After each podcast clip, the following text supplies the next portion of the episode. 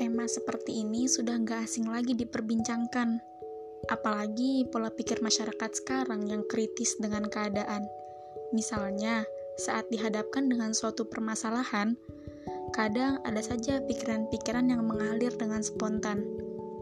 Lalu setelahnya menjadi titik ukur dalam mengambil pilihan.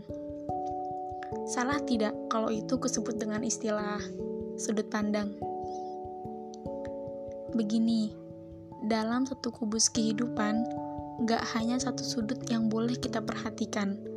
Mungkin saat kita kecil, hanya ada dua pilihan yang diajarkan, iya atau tidak. Dan itu berimpact pada cara kita memandang, hanya tentang baik dan buruknya, bukan? Tapi sekarang ayolah, untuk lebih membuka sudut pandang, gak melulu terkurung dengan iya atau tidaknya pilihan eh ujung-ujungnya bingung deh mana skala yang harus diprioritaskan. Sesekali cobalah melirik sudut lain yang gak salah kok untuk diperhatikan. Agar apa?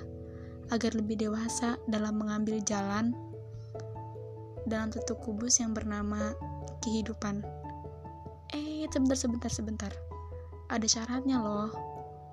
Setelah diperhatikan, jangan bulat-bulat ditelan lebih pintarlah dalam mengolahnya. Sini biar kuberitahu.